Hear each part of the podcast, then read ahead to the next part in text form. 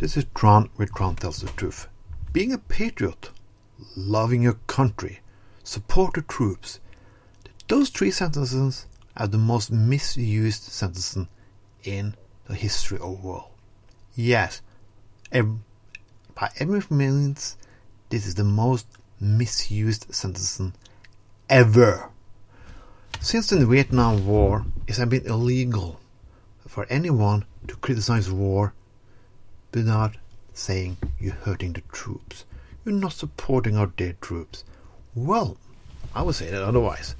Now, we, the people who are against the war, who do support the troops, if you love the troops so much, you don't want to send them to a war that is just not necessary. You don't want to send them to a war for Dick Cheney or Halliburton. You want to send them to war because there's a reason to do so. The Second World War was a reason to do so. The Korean War was a reason to do so. The Vietnam War was not. The Iraq War, not. The Afghanistan War, not. And many others.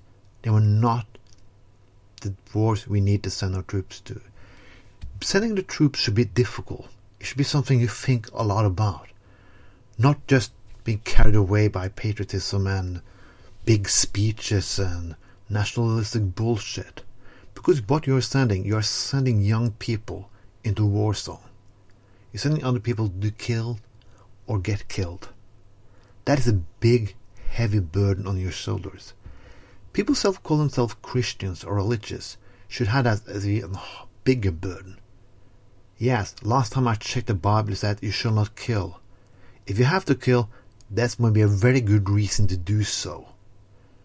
Not sending people to war for oil, for money, for greed, or because he doesn't like the people that are ruling over there. I love the troops. I support the troops. I support my army. But I don't support the politicians who hide themselves by, behind patriotism to send the people to those wars. They are misusing our young people, misusing patriotism, misusing supporting the troops.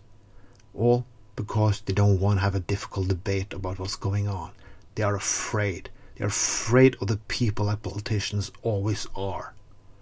But we should take we should take the, these words back again. Being a patriot should be loving your country, but not that also respect that other people love their country. Being being supporting the troops should be not sending people to stupid wars. Those terms should go back to the people language, not let taken over by crooked politicians, especially conservatives, but also, unfortunately now, Democrats and so-called liberals.